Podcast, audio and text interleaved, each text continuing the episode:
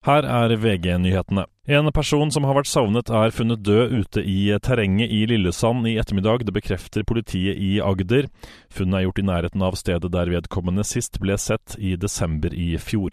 En norsk borger har dødd i Storbritannia. Det sier Utenriksdepartementet til TV 2. Omstendighetene rundt dødsfallet er foreløpig ikke kjent. UD er i kontakt med pårørende for å bistå i situasjonen. Et eh, flertall på Stortinget er enige om et forlik om en ny pensjonsreform. Det er ikke kjent hvilke partier som stiller seg bak enigheten. Enigheten legges fram i kveld klokken 19. Stortingets habilitetssjef Grunde Almeland fra Venstre ber regjeringen levere fra seg enda flere dokumenter om saken til Tonje Brenna.